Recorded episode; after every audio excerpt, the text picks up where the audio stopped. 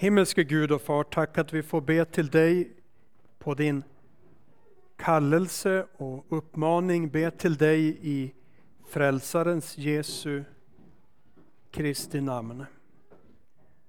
Vi ber Herre att du även i vår tid skulle, så som du har gjort idag och många andra dagar, möta oss med evangelium så att vi får höra ditt levande ord, ditt frälsande ord, så att våra själar kan få liv, få tröst, få frälsning genom Jesu Kristi försoning på korset.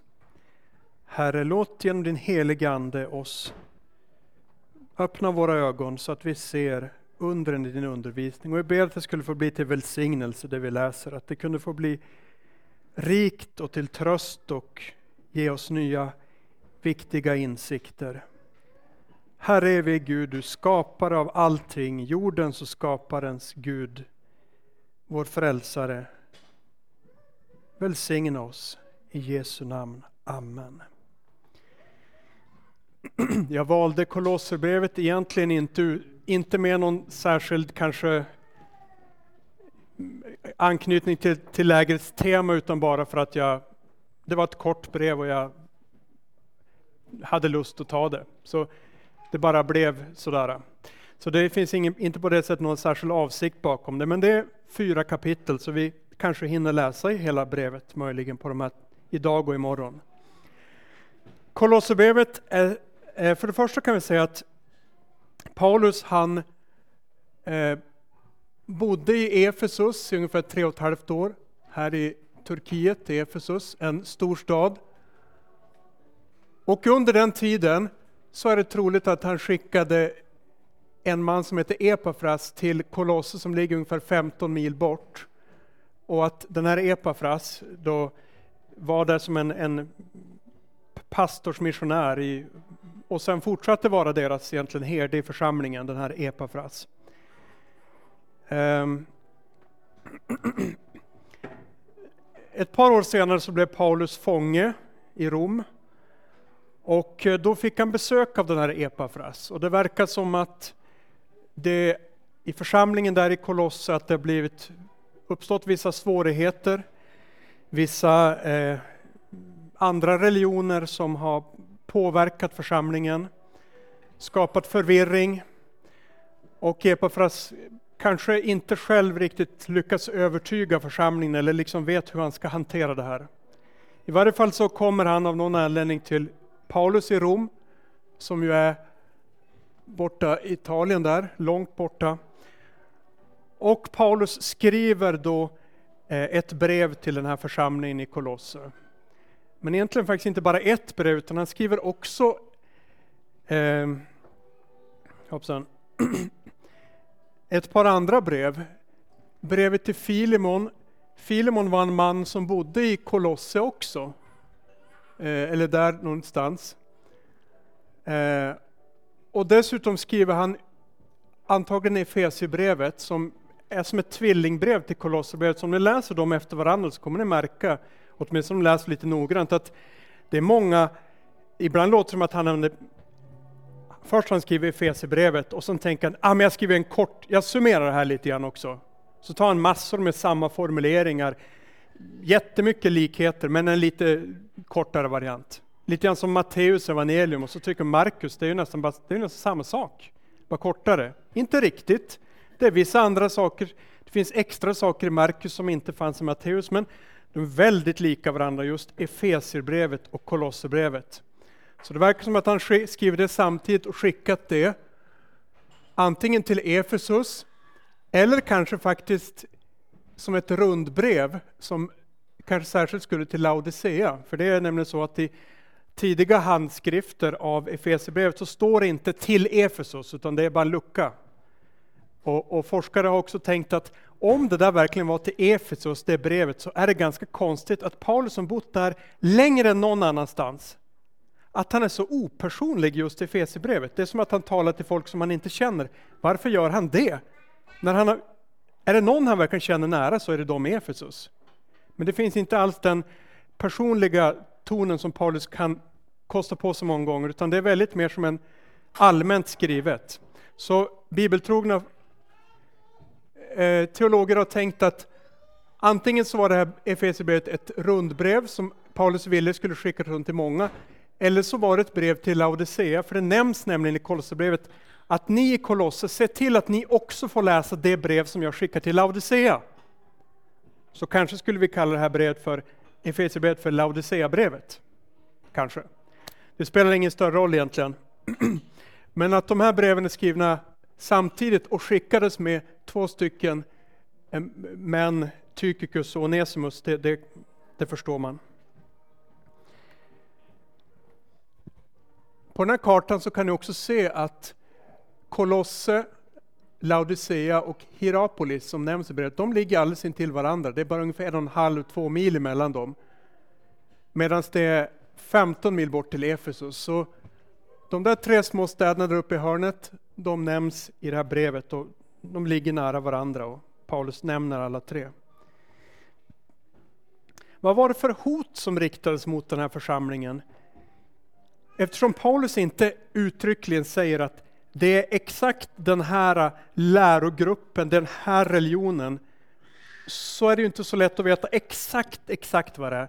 Han angriper problemen, han förklarar inte exakt vem som står bakom de här lärorna. Men forskare har pekat på två, tre saker. Någonting som verkar vara gnosticism, och jag ska komma in lite på vad det är. En, en slags eh, väldigt skum grekisk, påminner faktiskt lite grann om, om, om buddhism, en, en underlig andlighetsreligion. Och så helt klart att det är en inslag av, av, av judaisering här. Att, att, att de kristna känner sig tvungna att, hedna kristna, att, att också måste omskära sig, måste hålla eh, olika högtider, eh, avstå från kanske viss typ av mat och så här, precis som judarna gjorde. Att de verkar vara trängda att ni måste göra det som för att vara riktiga kristna. Och också någon slags mysticism där man, de fick, några får, eh, de ser liksom visioner i, i någon slags någonting och på, på något sätt kommer in i en högre andlig värld. Om det här är samma sak som det där, eller om det här är en blandning av lite av det och lite av det, eller om det här är en tredje grej, det är inte helt lätt att veta. Men, men flera olika, de påverkas från flera olika håll den här församlingen. Det är inte bara från judaister. Som Galaterbrevet, då är det helt klart det judaiserande kristna. Här är det flera olika. Som trycker mot församlingen och, eh, och det var kanske inte så att det var folk som de religioner som kom till församlingen, utan det var snarare så att de kristna där, några av dem var starkt påverkade utav de här andra och, och, och liksom övade inflytande i församlingen. Det, det, är ju inte alls konstigt. I varje tid så finns det ju saker som trycker på oss utifrån. I vår tid, vad är det som vad är populärt i samhället när det gäller hur man ska tänka? Ja, vad det nu än är, så börjar man plötsligt höra lite röster även i församlingen som låter nästan likadant. För vi påverkas. Eh, det, så är det överallt. Och här var de här olika tendenserna som påverkade församlingen. Lite kort om gnosticism. Det här var inte en, en exakt religion, utan det var mer som olika tendenser. Lite grann som new age. Om ni, nu är en del av er är lite yngre här, men när jag var ung då var new age väldigt populärt i Sverige ett tag och det var mässor och man kunde gå och det var ju inte så att det var att du kunde hitta en bok och säga så här lär new age, utan det fanns lite allt möjligt där. Det blandades lite. Det fanns vissa saker som var lite gemensamma och så fanns det saker som inte alls hängde ihop. Och så. Det var som en blandning. Gnosticism var så också. Men en generell tanke var att det fanns en slags hög gudomlig värld som kallas för fullheten, eller på grekiska eh, pleroma. Och ur den här andliga fullheten så hade det liksom kommit typ gudar som emanerat, som liksom kommit ut ur den där gudomliga fullheten. Och den sämsta av de gudarna kallades ofta för demiurgen. Och den sämsta guden hade fått det dåliga den eh, dåliga idén att skapa en fysisk värld. Så demiurgen blir alltså samma gud som har skapat den här världen. Det är den sämsta guden och han har liksom låst in det andliga i fysiska saker. Så att inom er så finns liksom, åtminstone inom vissa av er, så finns liksom en, en gudagnista som vill tillbaka till fullheten, men som är nu inlåst i kroppen. Så våran kropp är då enligt det här sättet att tänka, det är bara som ett fängelse. Värdelöst, dåligt. Och en del tänkte att man, ska, man kan bete sig hur som helst, för det spelar ingen roll. Kroppen är, du kan ha, gå till horor, prostituera dig, supa dig full, Det spelar ingen roll hur du hanterar det som händer med din kropp, är helt meningslöst. För det är det här gudomliga inuti. Andra tvärtom, vi ska försöka få bort kroppen, späka oss, inte äta mat. På olika sätt så markerar att kroppen är dålig, värdelös. Vi, frälsningen att, att komma ut ur kroppen, att gudagnistan kan få åka tillbaka upp till pleroma. Och hur skulle man nå dit? Jo, efter sin död så skulle man kunna vissa hemliga ord så att man liksom kodord, när man lämnar det här livet så skulle man kunna säga, nu vet jag inte exakt alltså, men, men typ Shabahurba. Ah, bra, då får du... Mm. Bra. Och så ska man liksom koda sig upp till den här högsta nivån på något sätt. Nu, nu, nu kanske jag säger lite fel, men typ någonting sånt där. Så kroppsförakt och hemlig vishet var viktigt i gnosticismen. Och det, man märker i det här brevet att någonting i den här stilen i alla fall eh, märks av. Sen judaism, och det är inte att man är fientlig mot judar. Apostlarna var judarna, judar, Jesus var en jude. Frälsningen kommer från judarna. Men det är att de gammaltestamentliga lagarna säger man att de måste också ni greker och svenskar och alla andra, ni måste, ni måste också tillämpa dem på er, annars blir ni inte frälsta. Så det räcker inte att tro att Jesus har kommit till jorden och blivit vår frälsare och sonat all synder. Ni måste också börja hålla alla högtider som judarna skulle hålla. Ni måste göra det ena och det andra, omskära er och så vidare. Och så vidare. Och det här har blivit lite populärt i vår tid igen faktiskt. Jag känner flera stycken som eh, börjar där med igen att de ska eh, sluta äta vissa maträtter och eh, fira sabbat från fredag när solen går ner till och, och, och, och, måste göra det och inte äta griskött och allt möjligt. Så de börjar läsa gamla som ja, men det, allt det här det är ju Guds ord, då måste vi också göra, annars blir vi inte, måste vi göra. Det kallar man för judaism, alltså inte judendom utan att man tvingar på. Omskärelse nämns, mat och dryck, att, att man måste avstå från vissa saker. Så som Daniel i, gjorde helt riktigt, för han var ju jude. Han skulle avstå. Han avstod också från att dricka eh, vin för att han tänkte kanske att det var offrat till avgudarna, Babyloniens avgudar. Vill inte, han vill inte ha någonting med de avgudarna att göra. Så han vill inte att dricka vin. Det var inget fel att dricka vin enligt judar, men inte det vinet. Så han drack bara vatten. Inte äta köttet, det var offer, äter bara grönsaker. Grönsakerna offrar man tydligen inte till gudarna.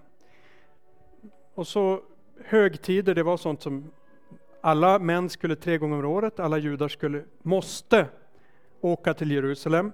Man skulle fira nymånad med offer och sabbaterna skulle hållas. Och även renhetsregler, hur man skulle tvätta sig och, och, och in, eller framförallt inte ta på döda saker och så vidare. Så man märker att det är någonting med judaism i den här församlingen också. Så finns det någon slags mysticism här som kanske är gnostisk men kanske också bara är allmän folktro. Att man, åtminstone enligt den här forskaren då, eftersom det här inte är helt lätt att veta, man läser brevet, man vet inte exakt vad, vad det står för, man får forska och fundera, men han tänker sig ungefär så här att, att genom asketism, genom att, att, att, att vara hård mot sin kropp, att följa hårda regler, så kunde man det kunde vara en väg att få extatiska syner, att, att komma upp i, liksom i, i som en högre dimension och se viktiga saker. Och det i sin tur gjorde att man liksom fördes in i en ny andlig nivå, kom en, upp en ny andlig nivå. Så asketism kunde leda till extatiska syner som ledde till en högre andlig nivå. Så har man i alla fall funderat, för det nämns i brevet om de här sakerna. Även magiskt åkallande av änglar som skydd mot demoner. Så alltså att, att, att man var rädd för demoner, rädd för onda andar. Men istället för att, som vi ska se att Paulus vill göra, han lyfter fram Kristus, ni har allt i honom, så försöker man få kontakt med änglar, ber till änglar, inte bara ber Gud att han ska sända dem, ber till änglarna själva. Och, och kanske med magiska riter försöka få änglarna att, att skydda oss mot demonerna. Sånt här märker vi faktiskt mycket i new age också, den här typen av, av tankar, så det, är inget, det har inte riktigt försvunnit. Helt kort, nu tittar vi på Kolosserbrevets struktur, det mest, mest gr grundläggande. Paulus börjar med, eh, ordet nåd finns väldigt tidigt i hans hälsning. Sen kommer en tackbön där han säger att jag tackar Gud när jag fått reda på att ni har blivit kristna. Jag kände inte till er i Kolosser närmare, jag har aldrig träffat er personligen. Men sen jag hört om er så är jag jättetacksam. Och jag ber också för er. Vi ber för er. Och sen kommer Paulus liksom stora saker i Kolosserbrevet. Han säger att ni har allt i Kristus. Alla de här judiska reglerna, gnostiska, att ni ska uppnå nivå till och bla bla bla. Rädslan för änglar, eh, demoner, ah, bort med alltihopa. Ni har allt i Kristus och han är större än allt som någonsin har funnits. Hela skapelsen, alla saker, det vill säga även demoner och änglar, allting är skapat av honom, genom honom. Han är alltså större än alla, ni behöver aldrig åkalla några änglar eller vara rädda för demoner, för ni har ju kontakt med den som är större än allt, Kristus. Och vad gäller judaiserande saker och så vidare, så ni har fått allt genom Kristus vad gäller frälsningen också. Genom försoningen på korset så är det verkligen allting totalt renat genom Kristus. Så här är hans huvudsak i brevet. Och sen går han lite närmare in på mot gnosticism, så säger han egentligen samma sak. Den gudomliga fullheten, det här ordet pleroma, det som gnostikerna tänker är det högsta, det säger han, fullheten är i Kristus. Och inte bara var som helst, jo i hans kropp. Så det är liksom mot gnostikerna som dels tyckte kroppen var dålig och som ville nå upp till det full, fullkomliga. I Kristi kropp finns Gud, gudomens hela fullhet. Det finns ingen lägre form av Gud än allt finns i Kristus. Så förbli i honom. Fortsätt där, gå inte någon annan väg. Och mot judaism så säger han att ni är omskurna, nämligen i Kristus när ni blev döpta. Då blev ni omskurna i den meningen att, att ni blev eh, korsfästa. Det är ju en omskärelse som är ännu starkare än bara att skära bort lite granna. Han blev verkligen ordentligt skuren i. Ni har blivit omskurna i Kristus genom att ni blev döpta. Och därmed har ni också fått allt förlåtet. Så återigen, varför hålla på att börja med omskärelse när ni har fått allt? Ni är blivit totalomskurna genom Kristi död och uppståndelse som ni förts in i genom dopet. Och så kommer han med, eftersom ni har dött med Kristus så låt er inte dömas av de här som kommer och säger att ni måste göra si och så med de här olika judiska budorden. Men å andra sidan, när ni dött med Kristus så döda också de syndiga begären, så släpp inte sånt fritt som en del gnostiker kanske tänkte att vi, vi kan leva hur vi vill. Det spelar ingen roll. Utan fria från att dömas, men använd, ni som är döda i Kristus, döda era syndiga begär. Och så kommer han med egentligen kapitel 3 och 4 är väldigt mycket just uppmaningar till ett, ett gott liv. Så avslutas breven med hälsningar och så kommer nåden igen, som det liksom börjar och slutar med nåd. Så det är liksom i grova drag. Nu tänkte jag så här, om vi kan försöka att, jag har delat ut den texten och när jag nu sätter upp den på skärmen så kommer inte ni kunna se, men ni kan se var jag är och så kan ni läsa från ert blad, för där har jag liksom, eh, har vi hela, vi ska se här. Eh.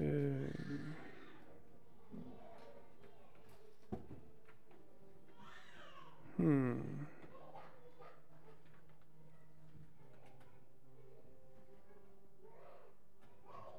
Så där. Så låt oss läsa och så kan vi stanna upp inför olika saker. Det finns förut fler blad här om det. Eh, får gärna dela ut allihopa. Det är någon som vill ha.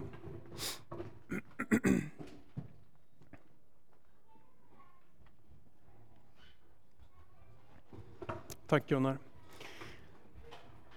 Brevet börjar från Paulus genom Guds vilja, Jesu, Kristi Jesu apostel och vår broder Timoteus. Till de heliga i Kolosse, de troende bröderna i Kristus. Nåd vare med er och frid från Gud vår far. Vi kan lägga märke till det jag strukit under, men vi skulle kunna lägga märke till alla saker som står här och då kan vi ha bibelstudium bara över det här brevet, hela lägret, utan problem. Så vi, vi stannar vid vissa saker.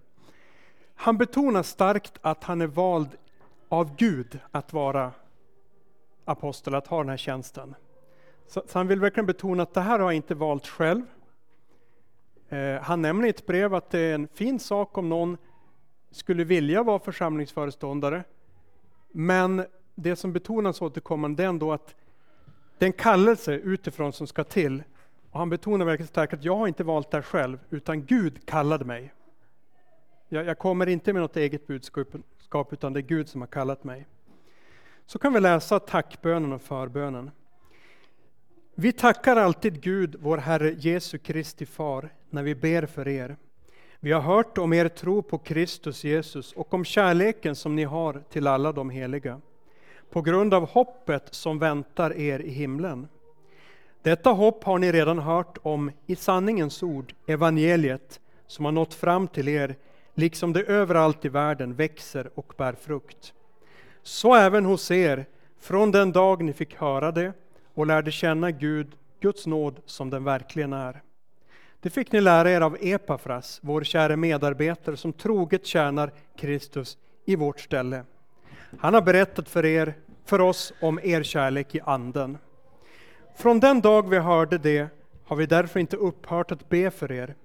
Vi ber att ni ska bli fyllda av kunskapen om hans vilja, med all andlig vishet och insikt, så att ni ska leva värdigt Herren och behaga honom på alla sätt, genom att bära frukt i alla slags goda gärningar och växa i kunskapen om Gud, blivande styrkta genom hans härlighetsmakt, så att ni må få all kraft till att vara uthålliga och tåliga i allt, med glädje tackande Herren, som gjort er värdiga att få del i det arv som de heliga har i ljuset. Eh, jag ska bara förklara, det här är Svenska folkbibeln 1915, 2015. Eh, och det är nu en väldigt bra översättning. För att det ska bli lite lättare att läsa så gör folkbibeln ibland så att de delar av meningarna för att det ska bli lite lättare för vanliga läsare. Läser man i grundspråket så är det egentligen långa meningar ofta. Och det gör att det blir lite tyng, tung, mer tungläst. Men av och till så gillar jag när man får liksom se hur det liksom lite mer egentligen var. För att vissa saker kan också bli lite tydligare tycker jag. Mindre lättläst, men kanske lite tydligare hur saker och ting hänger ihop. Hur, är hans logiska tanke från 1 till 2 till 3? Delar man upp det så kan det bli lite mera, man ser inte riktigt hur det ettan hängde ihop med trean. Så någon gång ibland här så har jag, när jag skriver med kursivera, då är det faktiskt så att då har jag bytt ut lite och gjort det lite mera exakt som det står i, i grekiskan. Så ni får överleva det. Ni kan ju ta upp er egen bibel om ni undrar vad som folkbibeln har skrivit. Låt oss titta på det som är understruket. Han säger så här i vers 4. Vi har hört om er tro på Kristus Jesus och om kärleken som ni har eh, till alla de heliga på grund av hoppet som väntar er i himlen. Det här tycker jag är lite oväntat faktiskt. Eh, att de kände kärlek till medkristna när de själva tänkte på att vi ska snart få komma till härligheten hos Gud. Att det hoppet gjorde dem glada. Och så gjorde det att de kände en glädje gentemot och kärlek gentemot andra. Bara lägg märke till det, att hoppet om härligheten liksom bidrog till kärlek till andra kristna. Sen betonar Paulus i, i versen efter, detta hopp har ni redan hört om i sanningens ord, evangeliet, som har nått fram till er, liksom det överallt i världen växer och bär frukt. Och nu kommer vi till en typisk sak som Mattias redan har varit inne här på förmiddagen, det är att ordet självt är det som bär frukt. Han säger det här att sanningens ord, evangeliet, det har nått fram till er och överallt i världen växer och bär det frukt. Så det är inte Paulus egentligen som bär frukt. Även om han slet enormt hårt. Det var aldrig så att han tänkte så här, ja men eftersom ordet bär frukt så ligger jag på latsidan, jag behöver inte göra någonting. Utan han, han slet verkligen. Men ändå är det egentligen så att det är ordet som bär frukt. Guds ord. Så bara ordet är i farten, så då kan Guds ande låta det växa och bära frukt. Och han använde faktiskt överallt i världen. Det hade spritt sig åtminstone i hela romarriket och kanske långt längre än så också.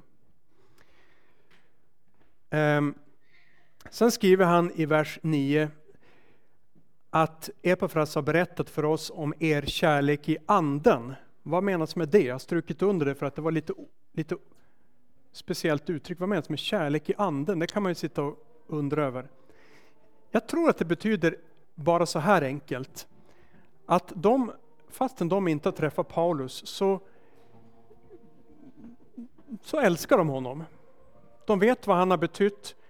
Så det är inte en vanlig kärlek som att man eh, har lärt känna någon och tycker någon är trevlig och det var så kul att umgås eller man, någonting sånt där. Utan de har aldrig träffat honom, men ändå tycker de om, om Paulus. Nämligen på grund av vad han har fått betyda för dem. Att genom honom har Epafras sänts till dem och så har de fått Guds ord. Så kärlek i anden är egentligen kristen kärlek. Kärlek för att Paulus har fått hjälpa dem komma till tro. Så det är nog det som syftar, uttrycket kärlek i anden. Så inte vanlig kärlek som alla människor känner, utan en tacksamhet över att genom Paulus har evangeliet kommit till dem.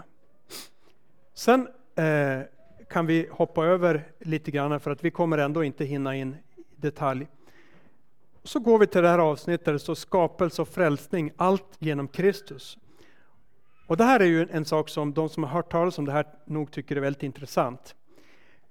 Det är så att Paulus har liksom skrivit en dikt. En del tror att det är en, en sång, en kristen sång som han citerar. Och den är skriven på ett väldigt speciellt sätt. I första delen så återkommer orden i honom, genom honom, till honom, genom honom. Och i andra delen så har man ord som huvudet, begynnelsen, förstfödde och främste. Och då är det så intressant att det första ordet i Bibeln, i Gamla Testamentet, eh, på hebreiska, som är skrivet här, Bereshit. Det betyder, be är i och reshit begynnelsen, i begynnelsen. Men då är det faktiskt så att, att hebreiskan är så pass eh, rik, skulle vi kunna säga, att de här två orden kan betyda flera saker. Så be kan betyda både i, genom och till. Och reshit kan betyda både huvudet, begynnelsen, förstfödde och främste. Så utav det första ordet i Bibeln har Paulus eller någon annan kristen liksom gjort en, en dikt där man framhåller att i begynnelsen betyder ju också i Sonen, den förstfödde, i Kristus har allting kommit till. Och så använder Paulus den här första delen, vi ser han, Kristus, är den osynliga Gudens avbild, förstfödd före allt skapat. För i honom skapades allt i himlen och på jorden, synligt och osynligt, tronförstar, herradömen, härskare och makter. Allt är skapat genom honom och till honom. Han är till före allt och allt hålls samman genom honom. Så en anspelning på första ordet i Bibeln här. Och sen andra delen, då tar Paulus upp det eh, andra delen av första ordet. Det är ett enda ord, men den andra delen betyder just huvud, begynnelse, förstfödde och så vidare. Och så skriver han, och Kristus är huvudet för sin kropp, församlingen. Han är begynnelsen, den förstfödde från de döda, för att han i allt skulle vara den främste. Gud beslöt att låta hela fullheten bo i honom och genom honom försona allt med sig själv, sedan skapat frid i kraft av blodet på hans kors. Frid genom honom på jorden och i himlen. Och det här blir ju liksom en, en smäll mot judaister som tänker att vi måste tänka på lag, vi måste omskära och så vidare. Men stopp ett tag. Redan första ordet i lagen säger att Kristus är över allting och allting kommer till genom honom. Frälsningen, allting. Om det är någonting ska lyssna på så är det inte omskärelse, högtidsdag, Kristus. Sen kan man också lägga märke till att den första delen handlar om skapelsen och den andra delen handlar om frälsningen. Så han är både allt är skapat genom honom, så han är större än alla demoner och änglar eller vad som helst. Och hela frälsningen är genom honom. Och dessutom slänger han in det här ordet pleroma. Gud lät hela gudomligheten, allt det högsta gudomliga, bo i honom. Så det är liksom en, som en kulspruta av, av grejer mot både jud, judaism och, och gnosticism. Och så sammanvävt till en sån här fin dikt. Så Bereshit, ni ser här på det hebreiska ordet står där och då läser man ju från så att säga, fel väg om man säger så. Vi svenskar läser den där vägen. Och sen skriver Paulus någonting som är lite märkligt. Jag har strukit under en del av det jag uppfattar som lite, lite om man säger så, som jag inte jag själv riktigt helt förstår vad menas med det här. Så, han nämner att Eh, vi kan läsa från vers 21. Också ni som en gång var främmande och fientliga till sinnet genom era onda gärningar, också er har nu försonat med sig genom att lida döden i sin jordiska kropp. Han ville föra fram er heliga, fläckfria och oantastliga inför honom, om ni verkligen står fasta i tron, grundad och ståndaktig och inte förs bort från hoppet i det evangelium som ni har hört och som har predikats för allt skapat under himlen, och för vilket jag, Paulus, har blivit en tjänare. Vad menas med det här? Ska, predikat för allt skapat under himlen. Det står ju på ett annat ställe i Bibeln att när eh, ungefär att när evangeliet har nått alla, då ska Jesus komma tillbaka. Men här talar han om det som om det har, har nått hela skapelsen. Och, och exakt hur vi ska förstå det kanske vi inte ska helt landa i, men vi kan inte helt veta när folkslagen nådda. För tänk på till exempel Sverige. Missiologer säger att ungefär när 2% av en befolkning har blivit kristna, då brukar man kalla det för att ett, ett nått land, ett land som har nåtts. Sveriges kristenhet börjar nu närma sig 2% och det betyder att vi är snart ett så kallat onått land. Fastän vi har haft kristendomen här i över tusen år, så är vi snart ett onått land. Turkiet där det knappt finns några kristna. Ja, men det är ju det här han skrev till. Här fanns ju hur många kristna som helst för 1000 år sedan. Fullt med kristna. Så vad som är nått och onått, ja det är svårt att veta. Ni vet, det finns ju spår efter kristendom borta i Kina. Ja, gammal kristendom. Inte den, nu är det väckelser där, men, men sån som är mycket, mycket gammal kristendom. Indien. Så vem vet om inte förfäderna till folk som vi kanske uppfattar som helt onådda. Det kanske har varit en levande kristendom under flera hundra år. Så hur exakt det här går till, men han kan säga att det har predikats för allt skapat under himlen och vad han exakt menar, men, men vi kan inte helt kanske göra matematik att, att, att säga att nu är det 13 procent av befolkningen som inte har fått jordens befolkning som inte har fått nådda. De kanske, deras förfäder kanske var nådda och så vidare. Sen säger Paulus återkommer att han har blivit en tjänare. Han är inte en herre, inte en kung. Han är en tjänare. Ni har det här uttrycket i, i minister. Minister betyder egentligen tjänare. Och man brukar kalla präster för verbe, verbe divine minister, alltså Guds ord tjänare. Inte herre i församlingen, utan tjänare, sådana som ska betjäna, inte styra och ställa så att säga, vara kungar. Och så beter sig Paulus väldigt ofta att han vill inte gärna komma med han, han, vill inte använda, han säger ibland i vissa brev att jag skulle kunna säga utifrån min auktoritet att nu är det bara att ni ändrar på er. Men jag vill inte göra det, jag vill att ni själva liksom ska förstå och, och, och, och ändra. Jag vill inte komma med, liksom bara slå näven i bordet, nu gör vi så här. Utan jag vill att ni ska, han vill inte bete sig som en som kommer uppifrån, utan en som kommer nerifrån och som liksom vill leda och hjälpa församlingen. Det här kommer, oj vad det här kommer bli svårt att hinna med. Skulle vi vara färdiga, vilken tid var det egentligen? 14.30 kaffe och kaka. Jaha, just det. Ja, men då, då, då hinner vi säkert. Vi. Nej, det är sant Gunnar. Det, det är sant. Och det är väldigt tacksamt att det finns människor som vill lyssna. Som du också Gunnar. Det, det är tacksamt. Men låt oss läsa vidare. Apostelns kamp för hedningarna. Han skriver, nu glädjer jag mig mitt i mina lidanden för er och det som fattas av Kristus lidanden uppfyller jag i mitt liv för hans kropp som är församlingen. Eh, nu kan jag bara stanna inför det där. Det här är ju redan det en ganska underlig mening. Vad menar han? Fattas i Kristus lidanden? Vi förstår ju att det kan ju inte betyda att, att Jesus inte försonade ordentligt. Det fattar vi, för det är så många bibelställen som säger att allt är fullbordat. Men vad menas det då?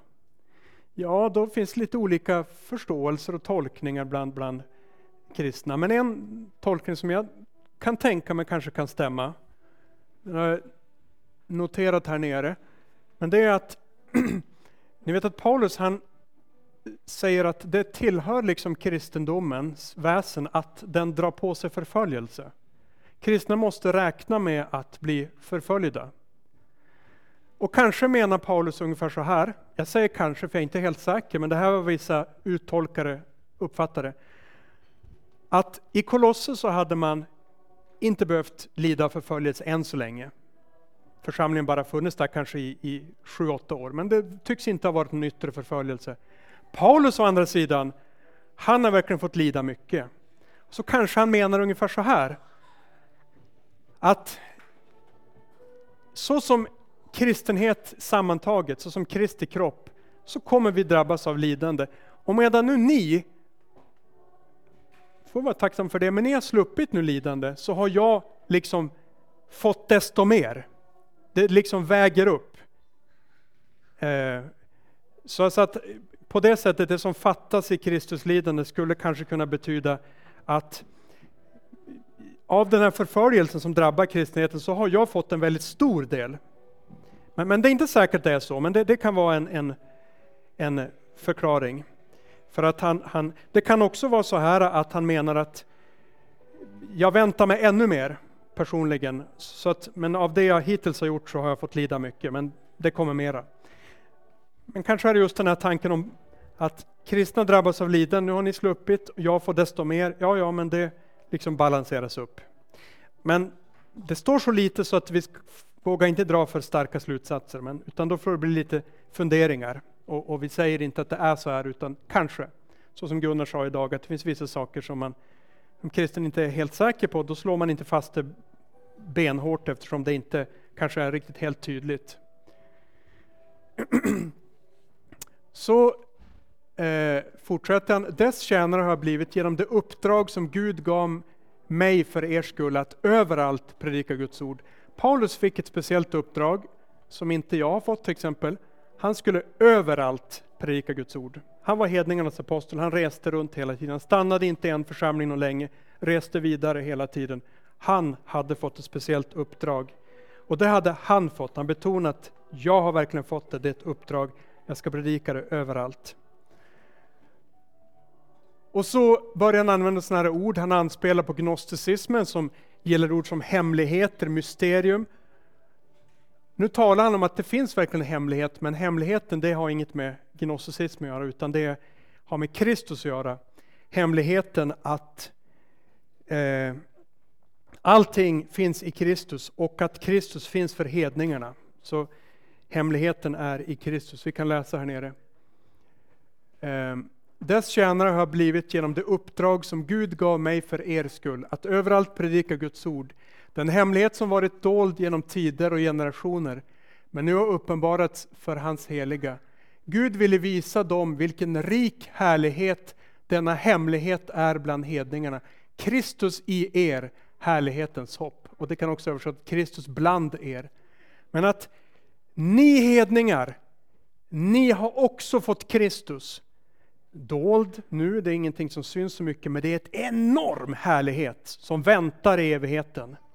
Så det är en stor hemlighet, det är en hemlighet att prata om jämfört med de agnostiska eh, förvirrade tankarna. Här har vi en hemlighet. Ni hedningar har Kristus i er, eller bland er, och han är härlighetens hopp.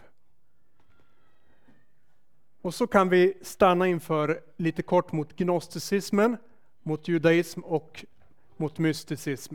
Först mot gnosticism. Jag vill att ni ska veta vilken kamp, och då syftar nog på att han har bett mycket. Vilken kamp jag har för er och för dem i Laodicea och för alla som inte har träffat mig personligen. Jag kämpar för att de ska bli styrkta i sina hjärtan och förenade i kärlek och nå fram till hela den rika och fulla, fullt övertygade, tögad, övertygade förståelse som ger rätt insikt i Guds hemlighet, Kristus. Kristus är hemligheten. I honom är vishetens och kunskapens alla skatter gömda. Här har vi återigen mot gnosticismen som hemliga kunskaper, vishet, kodord.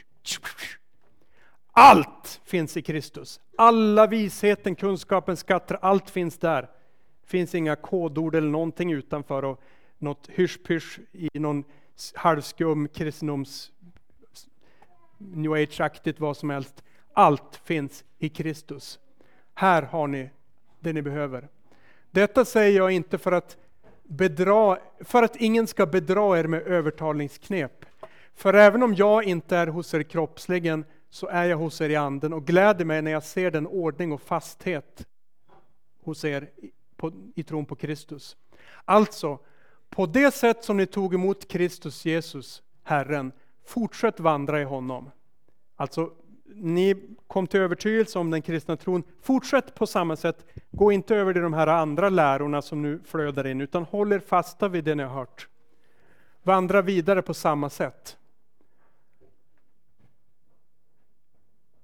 På det sätt ni tog emot Kristus Jesus, Herren, vandra i honom, rotade och uppbyggda i honom och grundade i tron i enlighet med den undervisning ni fått. Och låt er tacksamhet flöda över. Se till att ingen fångar er med den tomma och förrädiska filosofi som bygger på mänskliga traditioner och världsliga makter eller principer, regler och inte på Kristus. I honom bor gudomens hela fullhet. Nu har vi återigen det här då. I honom bor hela pleroma, allt, hela den högsta gudomligheten och den bor där kroppsligen. Ser ni här? Mot gnosticismens förakt för kroppen. Allt, hela Kristus är en, han är, Jesus kom som människa, han hade verklig kropp. Men i hans kropp så är fullständig gudomlighet där. Inget saknas på något sätt. Och i honom är ni uppfyllda. Och det här ordet uppfyllda är en anspelning på pleroma här. Så Kristus, i Kristus finns hela Gud, hela gudomligheten och ni är uppfyllda i honom. Alltså har ni redan hela pleroma, ni behöver inte hålla på med några magiska riter för att nå upp någonstans, ni har redan nått fram. Kristus är allt, hela gudomligheten, och ni är uppfyllda i honom. Ni är pleromatiserade i honom skulle vi kunna säga.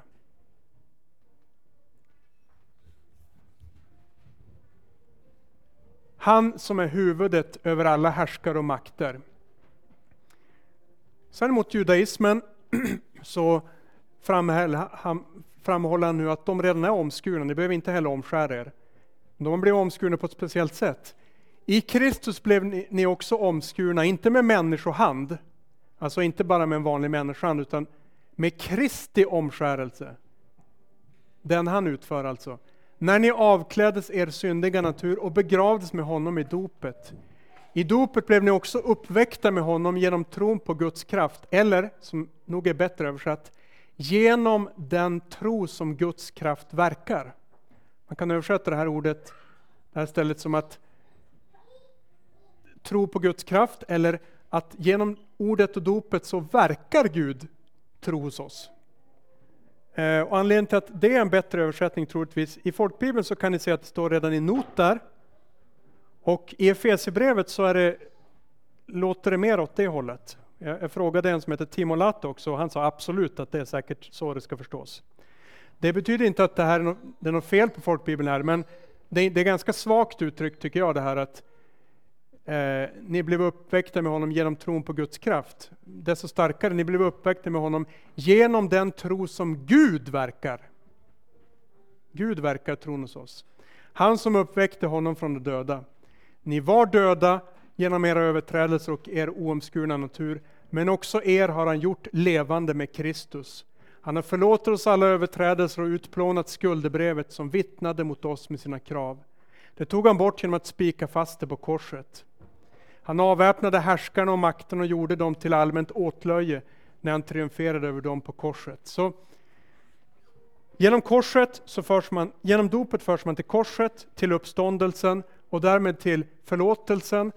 Och han påpekar här också att de här eh, troligtvis onda andarna och sånt där som de var rädda för, det, det har Jesus han har förlöjligat dem genom att dö och uppstå på korset. Totalt förlöjligat dem och här sa han ju tidigare att han är större än dem. Här säger han att han har gjort dem till åtlöje genom att dö och uppstå. Han har liksom besegrat döden och där står alla de här krafterna. De har ingenting att sätta emot. Så på flera olika sätt så vill han också få dem att inte vara rädda för demoner och härskar i rymderna och sådana här äh, andevarelser. Kristus står över allting och har vunnit också, även på det sättet, på korset. Och sen kommer han här till en del andra judiska saker, omskärelser, men här också Låt därför ingen döma er för vad ni äter och dricker, eller när det gäller högtid, eller nymånad eller sabbat. Allt detta är en skugga av det som skulle komma. Men kroppen som kastar skuggan, det är Kristus. Så alla dessa judiska regler, det var en skugga. Men nu har, först ser man bara skuggan, men nu har personen själv trätt in i rummet. Och det är klart att skuggan var fin och så, men nu har kroppen själv kommit. I folkbibeln står det verkligheten själv, och det men det står egentligen i grundtexten kroppen. Det blir lite lättare att förstå att kroppen kastar en skugga, verkligheten kastar inte normalt en skugga. Men... Så de judiska reglerna, vi är inte förbjudna att göra det. Jag känner judar som väljer att fira sabbat, som väljer att bli omskurna och så vidare. Men inte för att det ska vara, ha någonting med frälsningen att göra, utan för att de ja, men, kanske bor i en judisk miljö, de vill vara, visa sympati med sitt folk, med sin eh, tradition. Men skulle man på något sätt kräva det här, eller säga att det här måste till för att ni ska bli riktigt nå eh, gemenskap med Gud, då, då, då säger Paulus att låt ingen döma er. Vill någon hålla det här så all right, men låt ingen döma er om ni inte gör det. Det är en skugga, en fin skugga, men nu har kroppen själv kommit. Och så kan vi helt kort bara nämna, läsa här på slutet, mot mysticism, det här att man försöker få andliga upplevelser som ska föra en på ett högre plan. Låt, ingen diskval Låt er inte diskvalificeras från segerkransen, någon som njuter av ödmjukhet och ängladyrkan, som pratar om det han har sett, det kan vara att man har fått visioner, och som utan orsak är uppblåsta i sitt köttliga sinne. Han håller sig inte till honom som är huvudet, från vilken hela kroppen, stödd och sammanhållen av leder och senor, växer med den tillväxt som Gud ger. Så det där äh, sökandet i de här mysteriereligion, religion, eller mysterietro eller eh, mystiska upplevelser och ängladyrkan och liknande, det är att söka på fel ställe. Han, man håller sig inte till huvudet då. Men låt er, håll istället till huvudet. Om ni med Kristus har dött bort från världens makter principer, regler, varför beter ni då som ni levde kvar i världen och böjer er under bud som ta inte, smaka inte, rör inte? Allt detta gäller sånt som ska användas och förbrukat, förbrukas. Det rör sig om mänskliga bud och läror. Visserligen ser det ut som vishet med självvald fromhet, ödmjukhet och späkning av kroppen, men det har inget värde utan tillfredsställer bara det kötsliga sinnet. Så de här, det här späkandet, asketismen, sökandet efter visioner och så vidare, de som gör det upplever att de kom på en högre nivå, de känner sig stolta, mera andliga. Paulus säger, det hjälper ingenting. Man blir bara uppblåst och känner sig bra. Wow, kolla jag, jag har nått ett steg högre i andlighet än er där nere. Så det är inte till någon nytta. Um, ja. Sen är det alltså så att då har vi eh, kapitel 3 och 4 kvar. Men det får vi stanna, eh, det får vi vänta med tills imorgon. Tack för att ni ändå var eh, att vi kunde hålla på den här stunden. Låt oss be. Herre är vi Gud och Far, tack att vi får lyssna till ditt ord och vi ber att det skulle få bli till inte bara teori och, och att vi hör, men att det också kunde få bli till att du skulle ge oss uppmuntran, tröst och undervisa oss. Ge oss hjälp i vår egen livssituation med de frestelser och frestande tankar och tidströmningar som, som vi lever i. Herre, ge att ditt ord får bli till ett verkligt ljus även i våra liv. Undervisa oss Herre genom din helige Ande. I Jesu namn. Amen.